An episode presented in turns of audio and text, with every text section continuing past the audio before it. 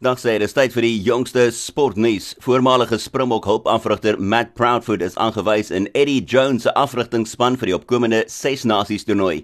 Proudfoot sal die nuwe voorspelersafrigter word onder Jones. Is na die 47-jarige 'n groot rol gespeel het in Suid-Afrika se rugby wêreldbeker eindstryd oorwinning oor Engeland, 'n wedstryd waarin Suid-Afrika se voorspelers vir Engeland oorheers het.